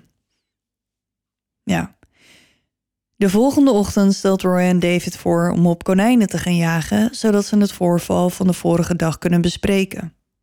David stemt toe en de mannen vertrekken voor de jacht. Ze doen een paar pogingen, maar de konijnen zijn te, te slim af. Nou, dat is tenminste iets. Mm. Op het moment dat Roy er zeker van is dat David geen kogels meer heeft, richt hij zijn geweer op zijn vriend en minnaar en schiet hem door zijn achterhoofd, waardoor David op slag dood is. Hij begraaft hem bij een beekje op het terrein van het landgoed. Eenmaal terug in het huis vertelt Roy aan iedereen dat David naar Devon is vertrokken omdat hij daar een baan aangeboden heeft gekregen. Ondertussen neemt hij de tijd om ervoor te zorgen dat niemand het lichaam zal ontdekken. Hij wandelt elke dag met de hond van Lady Pecky naar de plek waar David ligt. In het begin wil de hond steeds naar het lichaam toe en iedere keer bedekt Roy het lichaam met meer aarde, zand, bladeren en stenen. Dit doet hij een paar keer Totdat de hond op een dag gewoon over het graf heen loopt zonder te reageren. Op dat moment weet Roy dat niemand het lichaam van David ooit zal ontdekken.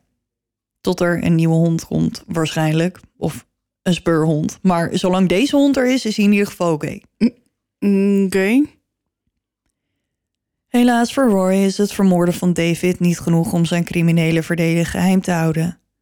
Lady Peggy ontvangt namelijk een telefoontje van een van Roy's ex-vriendinnen die het uitgebreid duistere verleden van de butler uit de doeken doet.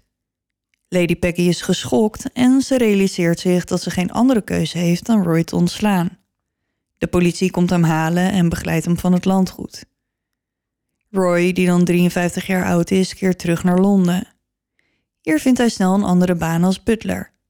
Hij gaat aan de slag bij de 82-jarige Walter Scott Elliot en zijn 60-jarige vrouw Dorothy. Ze wonen in een penthouse appartement in Richmond Court in Chelsea en Walter, een gepensioneerd parlementslid, komt uit een aristocratische familie. Hij is opgeleid aan Eton College en heeft hooggeplaatste vrienden en familie.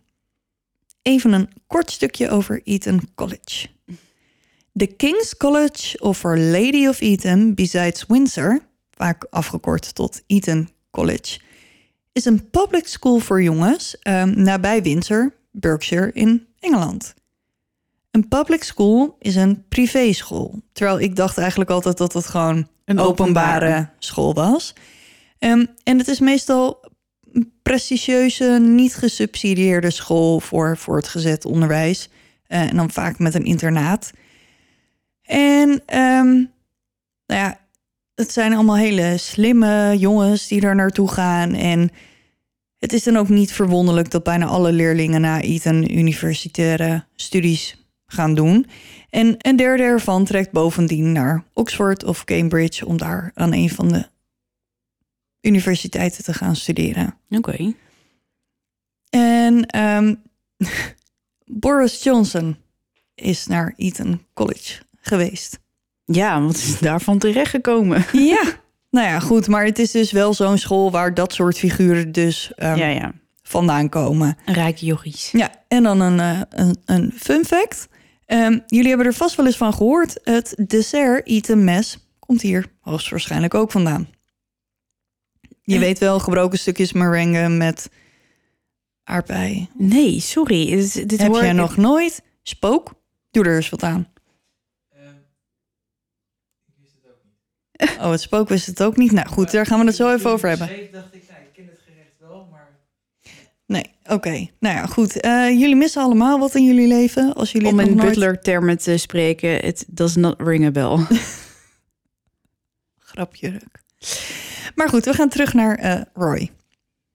Hij is bij zijn nieuwe baan op zijn hoede en doet geen moeite om zich aan zijn werkgevers te hechten. Inmiddels is het voornemen om op het rechte pad te blijven ook het raam uit. Hij vindt het eigenlijk wel prima om crimineel te zijn en te blijven. Walter is erg rijk en Roy ziet hier kansen. Walter is een fervent antiekverzamelaar en Roy heeft het gevoel dat als hij het goed aanpakt, hij nooit meer zal hoeven werken. Hij heeft het helemaal uitgedacht, maar de klus is zo groot dat hij niet denkt dat hij hem alleen aan kan, dus hij gaat op zoek naar een handlanger. Hij vindt er een in Michael Kitto, die hij via Belfast Mary leert kennen. Als Roy hoort dat Michael het een en ander op zijn kerfstok heeft, besluit hij dat hij de man is voor de klus. kan geen groentje eh, gebruiken natuurlijk in zo'n soort situatie. Michael komt uit een gebroken gezin en groeit op in pleeggezinnen en kinderthuizen. Hij gaat het leger in, maar wordt ontslagen als hij schuldig wordt bevonden voor een overval. En daarna begint zijn leven als kleine crimineel. De 39-jarige Michael heeft nog iets gemeen met Roy. Hij is namelijk ook gescheiden. Twee keer zelfs. Beide keren verliet de vrouw hem omdat ze erachter kwam dat Michael homoseksueel is. Ah, Kan je ze niet per se kwalijk nemen. eh, nee. Nee, als je dat niet weet en je gaat ervan uit dat je met een hetero man trouwt, Ehm, ja. Ja. kan ik me voorstellen dat je een beetje bedrogen voelt als blijkt dat hij eigenlijk helemaal niet op je valt. Nou ja, als dat daadwerkelijk het geval is, dan wel ja. Ja. Maar je kan er natuurlijk ook pas later achter komen dat je toch niet helemaal. eh, ja, maar deze is man dus twee keer getrouwd. Oké. Roy heeft de indruk dat Dorothy in een eh, verpleeghuis verblijft om behandeld te worden voor haar artritis. Dus hij nodigt Michael uit om hem het penthouse te laten zien. Als Roy bezig is met zijn rondleiding, komt Dorothy thuis, die in haar slaapkamer is. En als Michael en Roy binnenlopen, zien ze dus Dorothy daar, die ze daar dus niet hadden verwacht. Oké. Dus dat is een beetje jammer. Als ze haar zien, raken ze in paniek en ze komen gelijk in actie. Ze overmeesteren Dorothy en terwijl de een haar vasthoudt, wurgt de ander haar. Oh. En in één klap is echt alles in het honderd gelopen. De diefstal gaat niet door en de enige uitweg die ze nu nog hebben... is om haar man ook maar te vermoorden. oh, tuurlijk. Dat is dan volgens hen zo. Ze kunnen het echter niet alleen, ze hebben hulp nodig. De volgende ochtend spreken ze af met Belfast Mary en ze maken een plan. En het plan is als volgt. Ze willen Walter drogeren met whisky en slaappillen, terwijl Mary zich voordoet als zijn vrouw. Huh? Ja, ze willen namelijk niet dat hij zich realiseert dat zijn vrouw nergens te bekennen is. Oh, dit klinkt echt als een vreselijk slecht plan. Ja, ze kopen een pruik. Die lijkt op het haar van Dorothy, zodat Mary zich kan vermommen. En ze bellen Roy's oude vriend uit de gevangenis, John Wooten, om hen te komen helpen. En John is ondertussen getrouwd met de moeder van Roy, Marian. Dus dat is een heel... Eén grote een- clusterfuck. ja, echt vreselijk. Als John aankomt, leggen ze Dorothy's lichaam in de kofferbak van zijn auto. De nu gedrogeerde Walter zetten ze op de achterbank. Ze rijden naar Newton Airlosh, waar John een auto huurt onder Walters naam.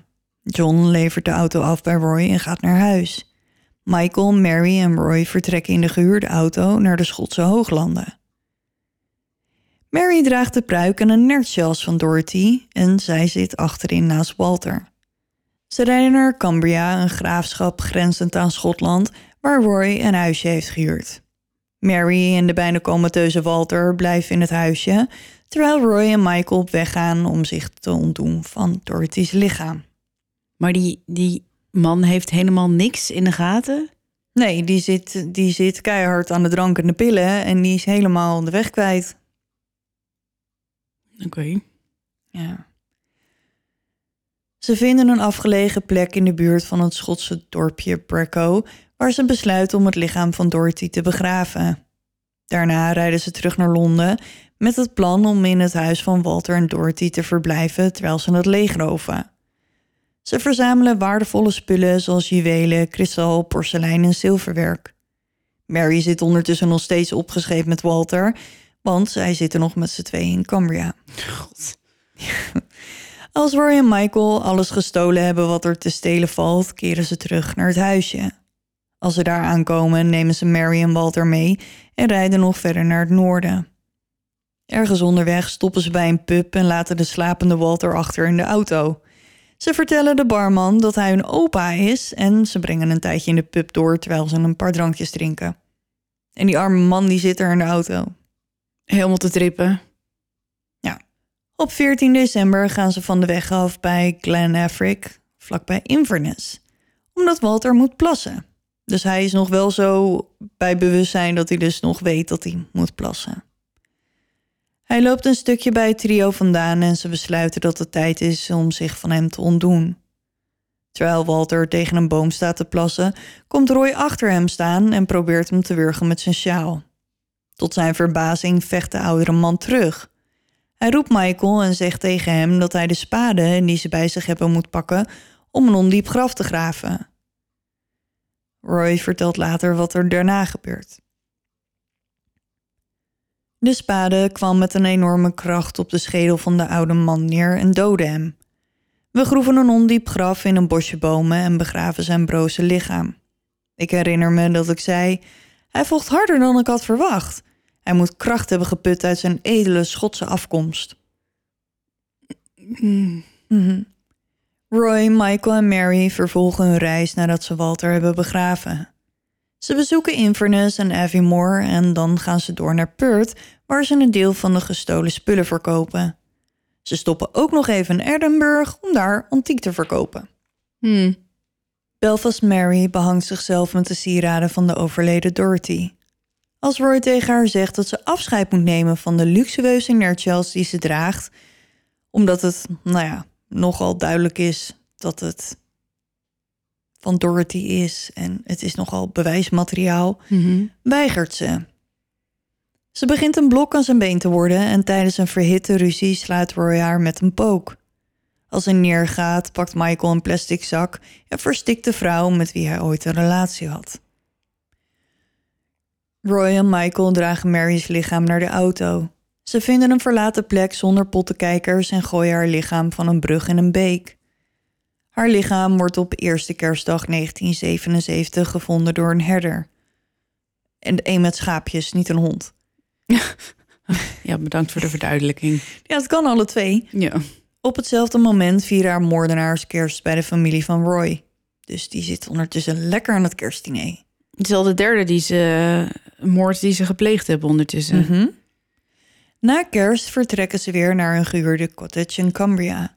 Ze maken verschillende uitstapjes naar Londen, waar ze nog meer spullen uit het penthouse van Walter en Dorothy stelen. Na een van deze ritjes keren ze terug naar Cumbria en als ze thuis aankomen, worden ze verrast met een ongenode gast. De halfbroer van Roy, Donald, is net vrijgelaten uit de gevangenis en kan nergens anders heen. Hij bleef John Wooten aan zijn kop zeuren tot hij hem vertelde waar hij Roy kon vinden. En uiteindelijk trekt hij het niet meer en hij vertelt Donald dat Roy in Cumbria is. De twee halfbroers kunnen elkaar niet uitstaan. Donald veracht Roy omdat hij homo is en Roy verafschuwt Donald omdat hij een pedofiel is. Eh, en hij noemt hem een viespeuk. Nou ja, goed, dat kan ik hem dan weer niet kwalijk nemen. Roy en Michael vertellen Donald over een overval die ze op dat moment aan het plannen zijn. Daarvoor moeten ze een bewaker vastbinden, dus mogen ze misschien even op hem oefenen. Donald stemt toe en zodra ze Donald hebben vastgebonden, gebruiken ze chloroform om hem te verdoven. Sorry, maar dan ben je ook een beetje een suffert. Ja, als hij eenmaal buiten Westen is, verdrinken ze hem in de badkuip. In ja, godskleren. Ja, I know. Inmiddels weten de twee mannen wel hoe ze zich van een lichaam moeten ontdoen. Ze laden Donalds lichaam in de kofferbak van de huurauto en rijden naar de Schotse hooglanden om hem daar te begraven. Het is alleen half januari en het winterweer is slecht. Zo slecht zelfs dat ze gedwongen worden om in North Berwick te overnachten. Ze checken in bij het Blenheim House Hotel en nemen plaats aan de bar om wat te drinken. Ik heb nog even gezocht of ze in dit hotel misschien spoken hebben, maar helaas, ik kon niks vinden. Ik dacht, dat is dan nog wel een leuk weetje. Maar ja. Nou, ik, wat ik wilde zeggen. ehm, ben je wel eens in de Schotse Hooglanden geweest? ik ben zeker meer dan eens in de Schotse hooglanden geweest. Ik ook. En ik, als je daar ook maar eventjes van de weg af bent, dan ben je ook meteen helemaal in the middle of nowhere. I know. Dus het is inderdaad wel een goede plek om je van een lichaam te ontdoen. Dat klopt, ja. Als dat eh, nodig eh, blijkt. Ja, Eh, dit is geen advies. Nee, nee, nee, nee, nee, nee, nee zeker niet. Zeker niet. Maar ik, zit, ik zie dat zo voor me en dan denk ik, ja, Ja, geen hond. nee. En het is daar zo uitgestrekt en ja, I know. Norman Wright, de eigenaar van het hotel, staat achter de bar. Door de sneeuwstorm die er buiten raast, komt hij personeel tekort. Hij bekijkt de twee mannen die aan zijn bar zitten. Ze zijn goed gekleed, glad geschoren en hebben onberispelijke manieren. En toch zegt zijn intuïtie hem dat er iets aan de hand is. Hij vertrouwt het niet. Hij vermoedt dat ze misschien de benen zullen nemen zonder te betalen, dus hij belt de politie. En nu denk je waarschijnlijk, jeetje, wat overdreven. Eh, maar het politiebureau ligt nog geen 200 meter verderop en het is een superklein plaatsje. Eh, dus het is lekker ons kent ons. Dus waarschijnlijk zit diezelfde agent iedere avond toch in de bar van dat hotel om eh, bier te drinken. Nou, ik mag hopen van niet, want als je dienst hebt, dan... Nee, naast de dienst. Oh, oké. Ja. Roy zit aan de bar en slaat Norman gade. Hij kan zien dat de hoteleigenaar hem niet helemaal vertrouwt. Hij maakt zich niet te veel zorgen. Die man wantrouwt waarschijnlijk gewoon iedere vreemde. Zelfs het waard is? Vertrouwt hij zijn gasten, Mhm. Daphne? Dat klopt zeker. Maar dan zien ze een politieagent over de parkeerplaats lopen die bij hun auto blijft staan. Michael raakt in paniek, maar Roy blijft kalm. Ondertussen loopt de agent een rondje om de auto om hem te inspecteren. En als hij dat doet, blijkt Normans voorgevoel te kloppen, want er is iets mis met deze auto. Het kenteken komt niet overeen met de zogenaamde taxdisc. En een taxdisc was een rond certificaat dat voertuigeigenaren op de voorruit van hun auto's moesten plakken, ehm, als visueel bewijs dat er voertuigbelasting was betaald. En in Ierland schijnt dit nog steeds te bestaan, maar in Engeland is dit vervangen door automatische nummerplaatherkenning. Ehm, en er zijn trouwens mensen die deze taxdisc verzamelen. En dat noemt men velologie. Oké. Fun fact. Ja. Maar goed, de informatie komt dus niet overeen, dus de agent besluit een praatje te gaan maken met de twee mannen. Hij vraagt ze mee te komen naar het bureau om wat ze zonder morren doen. De auto nemen ze mee naar het bureau omdat ze vermoeden dat deze gestolen is. Maar wacht, ligt dat lichaam daar nog in of is die ondertussen begraven? Luister maar. Eenmaal op het bureau volgt er een beschaafd gesprek. De mannen identificeren zich als Roy Fontaine en Michael Kitto. Ze beantwoorden elke vraag die ze gesteld wordt. Ze werken volledig mee. Eh, Roy moet een paar keer naar het toilet. En de agenten kijken hier niet zo van op, want hij heeft net in de bar van het hotel een paar biertjes gedronken. Dus ja, het is niet zo heel gek dat hij vaak moet plassen. En hij is waarschijnlijk ook een beetje nerveus. Dus dat speelt dan waarschijnlijk ook op zijn blaas. Tijdens het verhoor wordt het de agenten duidelijk dat Roy de leider van het duo is en Michael zijn handlanger. Roy is inmiddels een aantal keer naar de wc geweest en weer teruggekomen, maar na het zoveelste tripje naar het toilet begint de aandacht van de agent te verslappen. Roy maakt van deze gelegenheid gebruik en ontsnapt via het raampje in het toilet. ja, je gelooft het niet. Terwijl de mannen binnen verhoord worden, zijn andere agenten bezig met het onderzoeken van de auto. En in de achterbak van de auto vinden ze Donald's lichaam. Roy is op de vlucht en houdt een taxi aan. Hij zegt tegen de chauffeur dat zijn vrouw een ongeluk heeft gehad en in het ziekenhuis ligt. Hij weet niet precies welk ziekenhuis, dus de chauffeur gaat richting het dichtstbijzijnde ziekenhuis. Maar volgens Roy ligt ze daar niet, dus hij vraagt of hij hem naar Edinburgh wil brengen. Dat is een ritje van zo'n 50 minuten. Ehm, de politie weet inmiddels dat Roy hem is gesmeerd en hebben wegverspenningen opgezet in de hoop dat ze de voortvluchtige moordenaar vinden. Bij één zo'n wegversperring wordt Roy gespot en hij wordt gelijk in hechtenis genomen. Het duurt niet lang voordat de politie het complete plaatje heeft. De merk van de auto van Roy en het kenteken dat Michael op de auto heeft gezet waren al aan de politie doorgegeven door een antiekhandelaar uit Newcastle under Lyme. De man vertrouwde het zaakje niet helemaal toen de twee mannen zilverwerk en porselein aan hem kwamen verkopen voor veel minder dan dat het waard was. Hij wist dus dat hij hoogstwaarschijnlijk met gestolen spullen te maken had. Want waarom zou je anders zoiets waardevols voor zo'n laag bedrag verkopen?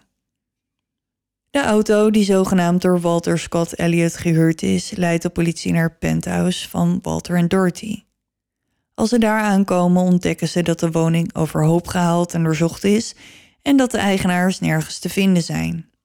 Daarna ontdekken ze dat het lichaam dat op eerste kerstdag in Dumfriesshire gevonden is, het lichaam van Belfast Mary is, die ooit als huishoudster voor het echtpaar gewerkt heeft. Ehm, en dan weten ze dat deze twee zaken waarschijnlijk iets met elkaar te maken hebben. Ja.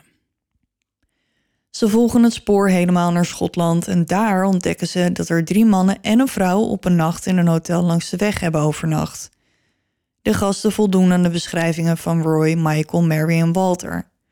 Later komen Michael en Roy alleen terug zonder een woord te reppen over de afwezigheid van Mary en Walter. Roy doet in de gevangenis een poging zijn eigen leven te nemen.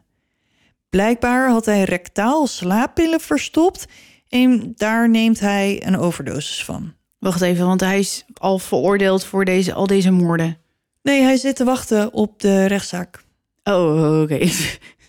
Sorry, je ging heel snel ineens naar... Ja, nee, hij zit, dus, hij, hij zit nu dus nog in een soort van bewaring te Ja, wachten oké. totdat het allemaal begint. Maar hoe die in godesnaam aan rectale slaappillen komt... nou ja, of eh, verstopte slaapmiddelen slaappillen... die die rectaal heeft ingebracht, denk Ja. ik. Nou ja, geen idee. Ik wil er ook niet te lang over nadenken hoe die eh, aan die slaappillen kwam. Maar even, even een onbenullige vraag of zo. Maar je kan die pillen, als je ze rectaal kan inbrengen, toch ook gewoon doorslikken? Nee, hij heeft ze daar verstopt. Oh. Dus waarschijnlijk in een plastic zakje of een condoom, zeg maar, naar binnen. En dan eruit en dan slikken. Dat was zijn verstopplek. Oké. Nou ja, dat... Nou had dat- je het nou maar nooit gevraagd, hè? Ja, nou ja, nou, nee, ja, nou goed. Oké, is side note, maar dat doet me denken aan dat boekje dat jij ooit had met mensen die op Met de... die kip. Nee, met die hamster. Nee, dat was een kip. Ja, dat Nee. was ook een hamster, maar er was ook Ja, een maar kip. een kip past niet in je hol, Kim. Nee, maar wel in je vagina blijkt. Nou, even korte uitleg. Kim had ooit een boekje met hele rare eerste hulpverhalen van artsen die dan bizarre dingen meemaakten. Ja, En één daarvan was een man die zich meldde op de eerste hulp met pijn in zijn reet. ja. En toen bleek dat hij een hamster in een condoom had gestopt en die vervolgens naar binnen had gebracht. En nou ja, eind goed, al goed. De man. eh, was nou ja, oké. Ja, maar de hamster gelukkig ook. Ik weet niet hoe, maar volgens het boekje kwam het goed.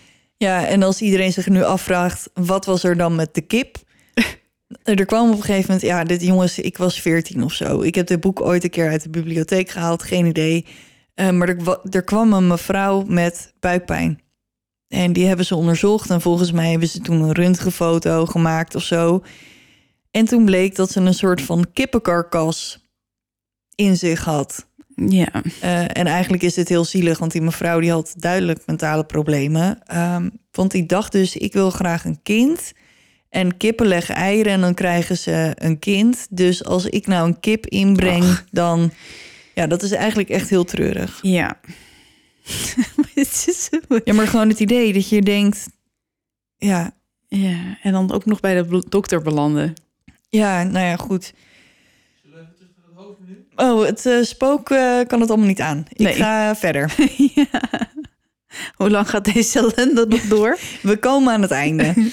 Ehm, maar goed, eh, Roy wordt op tijd gevonden en hij wordt wakker in het ziekenhuis. En zodra hij bij kennis is, wordt hem medegedeeld dat Michael de politie alles heeft verteld. van de diefstal tot de moorden. En dan weet hij wel dat het nu wel echt afgelopen is met zijn criminele carrière. Welletjes. Maar is dat een list of is dat echt waar? Hmm.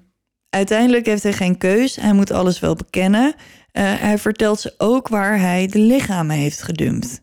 En dan verrast hij de politie met een bekentenis over een moord waar ze niets vanaf wisten. De moord op David Wright. Later zegt hij hier het volgende over. Ik zou tegen iemand zeggen die eraan denkt om te moorden, doe het niet. Wat het ook is dat vrijkomt, je wil niet dat het vrijkomt. Wat? Hoe bedoelt hij dat? Ja, alsof je een soort van je innerlijke demon Oh, eh, laat gaan. Een soort van je moordende alter ego of zo. oké. Ook zegt hij: Als ik niet van seks met mannen had gehouden, dan zou David Wright nog leven. Ik geloof echt dat als ik hem niet had vermoord, ik niemand zou hebben vermoord. Dus, nou ja, dat. eh, Nou, ik snap het wel, want je gaat een bepaalde grens over. En ja, als je daar en als je er eenmaal- eenmaal één hebt gehad, ja, Ja. wat maakt die andere dan nog uit? Dit is niet mijn eigen mening, hè, jongens? Nee, nee, nee, nee, Laten we even duidelijk zijn. Ja, De zaak krijgt veel media-aandacht en de pers volgt Roy en de politie op de voet als hij hen naar de plaats brengt waar hij hem begraven heeft. David Wright en Dorothy moeten onder de sneeuw vandaan gehaald worden. Ehm, het lichaam van Walter was niet heel moeilijk te vinden, ehm, want ze hebben namelijk niet heel veel moeite gedaan om hem te verbergen. Ze vinden hem in een ondiep graf onder een rhododendron, half opgegeten door vossen en andere dieren. Roy wordt beschuldigd van eh, vijf moorden en Michael van vier omdat hij niet bij de moord op David Wright betrokken was. En Roy is niet te spreken over Michael. Hij noemt hem zwak, lui en hebzuchtig. Hij beweert dat Michael in zijn eentje eh, gemoord heeft. En als hij dat niet had gedaan, dan zouden Walter en Mary nu nog leven. Michael geeft op zijn beurt Roy de schuld van Dorothy's moord. Dus ja, nou ja, dat is natuurlijk eh, logisch. lekker met vingertjes wijzen. Ja. Volgens Roy was een moord op Mary een ongeluk. Ze hadden ruzie op de brug, ze viel er vanaf, zo in de beek eronder en brak haar schedel. Ehm, forensisch onderzoek wijst echter uit dat deze versie van de gebeurtenissen niet klopt. Eh, er bestaat geen twijfel over dat Mary's hoofd is ingeslagen met een pook. Uiteindelijk biecht Roy op dat hij haar met de pook geslagen heeft, terwijl Michael haar vasthield. Michael verstikte haar vervolgens met een plastic zak.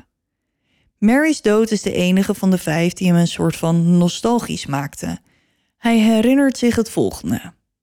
Tien minuten later controleerde ik haar pols. Ze was dood. Mary, mijn oude vriendin, die ik al bijna tien jaar kende. Ik vond het jammer dat ik haar moest vermoorden. Hiervoor had ik haar altijd gemogen. Ze had een hart van goud, die Mary. Mm. Mhm. Roy en Michael staan terecht in Edinburgh en Londen eh, vanwege de locaties van de moorden. Dus ze worden in alle twee de plaatsen berecht. Tijdens zijn proces beweert de politie dat Michael geluk heeft dat ze hem gepakt hebben, omdat Roy bezig was om een plan te beramen om hem te vermoorden. En dat kan natuurlijk ook niet echt anders, want op een gegeven moment weet de ander te veel en dan moet je wel op zich een keer van hem af. Ja. Uiteindelijk wordt Michael veroordeeld voor drie moorden en hij krijgt levenslang. Heel toevallig is het op deze dag zijn 40ste verjaardag. Superleuk cadeau. Terwijl hij de rechtszaal uitliep, draaide hij zich naar de pers en zei: Ach ja, het leven begint bij 40. Jezus, Mina. Echt hoor. Roy kon de lol er niet van inzien. Die zei geen woord eh, toen zijn vonnis werd uitgesproken. Hij krijgt levenslang voor de moord op Dorothy en de rechter adviseert om hem nooit vrij te laten. Roy beweert dat hij alleen maar genoeg geld wilde stelen om naar Engeland te verlaten, zodat hij naar een plek in de zon kon. Benidorm of zo. hij keek neer op Michael omdat zijn belangrijkste doel met hun misdaden ehm, was. Nou, hij, hij wilde gewoon een crimineel zijn. Dus hij wilde niet naar een plek in de zon. Nee, hij wilde gewoon een soort van eeuwige kruimeldief blijven. In 1995, als hij 17 jaar gezeten heeft, vraagt Roy om ehm, het recht om te sterven. Oké. Ja, de Observer publiceerde zijn brief waarin hij vraagt om een pil in een glas wijn. Hij heeft meerdere malen geprobeerd suïcide te plegen, maar slaagde daar nooit in. In 1999 publiceert hij zijn autobiografie A Perfect Gentleman. Hij vertelt het verhaal van zijn criminele leven en de vrede gebeurtenissen die eind 1977 plaatsvinden. Maar hij schetst een iets ander plaatje dan de werkelijkheid. Ehm, hij heeft het niet over zijn moeilijke jeugd en zijn worstelingen met zijn geestelijke gezondheid. En zeg maar, vrienden en kennis en familie herkennen zich helemaal niet in wat hij in zijn autobiografie geschreven heeft. Oh. Ja, ehm, maar het is wel duidelijk dat Roy zichzelf ziet als een beroemdheid, zeg maar een soort van mysterieuze, gevaarlijke, James Bond. ja, zoiets, ja. Oké. Op 16 september 2002 sterft Roy Fontaine op 78-jarige leeftijd aan een beroerte in Kingston Prison. En dat is het verhaal van de Monster Butler. Dan heeft hij toch gekregen wat hij wilde, Ja, uiteindelijk. Maar Ja. waarom eh, zo graag eh, uit het leven dan? ja, hij wilde gewoon niet. Maar hij wilde al vaker niet. En toch ging niet ook. Dus... Maar hij kreeg nu een beroerte. Ja, dat snap ik. Ja, dus hij Daar kan hij niet zoveel aan doen. Nee, hij had nu niet zoveel keus meer. Nee, maar waarom eh, ehm, die keren daarvoor? Ja, hij kon het helemaal niet aan. Ik vind het weer een heel eh, bizar verhaal. Het is toch ook geen pretje om in de gevangenis te zitten. Maar, en het is zo stom. Als hij nou op het moment dat hij bedacht had dat hij dus zeg maar Archibald Hall achter ging laten en verder zou gaan als Roy Fontaine, de butler. En dat hij dat in de gevangenis helemaal ja, zichzelf aangeleerd heeft. Dan had hij een fantastische carrière kunnen hebben. Ja, Met gewoon een goede baan. En blijkbaar kon hij het allemaal, want mensen waren wel heel blij met hem. Maar het is gewoon zo jammer dat hij dat dus niet. hij koos ervoor om eh, dief te zijn. Ja, het was gewoon echt een bewuste keus. dat hij gewoon, ja, ik wil graag juwelendief zijn. Oké. Ja, ik weet het ook niet, man. Nee. Ehm, ik kon niet vinden wat er uiteindelijk met eh, Michael gebeurd is. Want die is dus redelijk snel weer, of tussen haakjes, snel weer vrijgelaten. Hoe kan dat nou? Hij heeft vier moorden gepleegd. Of hij Ja, is er voor kwam, drie hij kwam veroordeeld. na 17 jaar vrij. Maar ik weet dus niet of hij nog leeft of niet. En wat hij tegenwoordig doet. Nou, ik hoop eh, niet zoveel. Nou ja, in ieder geval geen criminele dingen meer. Oké. Nou, jongens. eh, het eh, Ja. misschien Dat- moeten we een regel instellen dat jij niet meer als laatste mag. Nooit meer. Nee, Oh. ik ga het zo opgefokt in bed. Oh. Nee Ja. hoor, het is niet helemaal waar. Maar ik, ik, ik eh, nou ja, ik, eh, sommige mensen weten hun leven zo te vergallen. En dat, en dat van hen eh, en ook heel veel van anderen. En dan denk ik, ja, Ja. Nou, in dit geval was het dus wel een soort van bewuste keus. Maar goed, hij, het begon natuurlijk al toen hij redelijk jong was. Maar ja, als hij goede begeleiding had gehad of zo, ik weet het ook niet. En maar Ehm, toch lijkt dan het wel- dus of sorry hoor dat ik je onderbreek. Maar deze persoon had toch denk ik ook wel iets, eh daar klopt er iets niet. Nee, ik denk dat daar. En dat zagen we natuurlijk al met die rapporten uit de psychiatrische instellingen. Zo Ja, van, geen moreel besef. Nee. Dat is niet Dat- goed hoor. nee dat- Gevaar voor de samenleving. Ja. Nou ja, ja, en je hoopt dat iemand dan een soort van goed begeleid wordt of zo. Maar of dat er iemand ingrijpt. ja, maar ja, als het al in de gevangenis, als je al in de gevangenis zit en ja, ik weet het ook niet, man. Nee. Nou goed, iedereen is weer helemaal eh, in- de treurnis. Ehm, Het spijt me. Ja. Dus we gaan er maar een eind aan breien. Ja. Voordat we gaan, wil ik jullie wel echt heel, heel, heel, please, please, please vragen of jullie eh, overal willen abonneren. Eh, want we kunnen zien dat we heel, heel, heel, heel veel luisteraars hebben. Ehm, en een heel, heel, heel, heel stuk minder abonnees. Dus er klopt iets niet, jongens. Dus iedereen die nu zit te luisteren, abonneer je even. Ga even terug naar boven in je. Spotify. Ja. Druk even op die knop. Ja, want jullie vragen altijd hoe jullie ons kunnen helpen. Nou zo. En dit is echt de meest makkelijke manier om dat te doen. Dus dat zouden we heel erg op prijs stellen. Verder kan je ons vinden op de socials. Google even op Duister de Podcast. Dan vind je wel eh, een van eh, de kanalen. Ik heb nog een vraag, hè? Ja, aan Misschien mij is- of aan de mensen? Nee, aan jou. Het is een beetje voorbarig. En we hebben het er tijdens de livestream over gehad. Ja. De webshop. Oh ja. Oh, dat hebben de mensen die de livestream natuurlijk niet hebben gezien. Die hebben dat niet meegekregen. Maar ik heb beloofd ehm, dat binnenkort ehm, de webshop open gaat. Ja. Dus daar ben ik nu heel hard mee bezig. Hebben we al een datum? Nee, Oké. Maar, Maar- binnenkort. binnenkort. Oké. Echt beloofd, beloofd, beloofd. Goed zo. Eh, het spook en ik eh, zijn hard aan het werk. Nou, Dus we doen ons- spannend. We doen ons best, maar het wordt in ieder geval niet meer voor de kerst. Dus denk nou niet, oh, dan ga ik nu nog van alles op mijn lijstje zetten voor, Voor kerst. Valentijn. Valentijn kan wel. Oké. Valentijn. Dan gaan we daar onze pijlen op richten. Oh, Hey. Bedoemd. Nou, Ja. ehm, hoe dan ook, hartstikke dankjewel voor het luisteren. ja. Het is laat, eh, jongens. Het is eh, tien voor half elf. We hebben er al een hele dag op zitten. Ja, Bedankt voor het luisteren. Tot de volgende keer. en onthoud, Blijf, in het licht. Want, je weet nooit wat er in het duister op je wacht.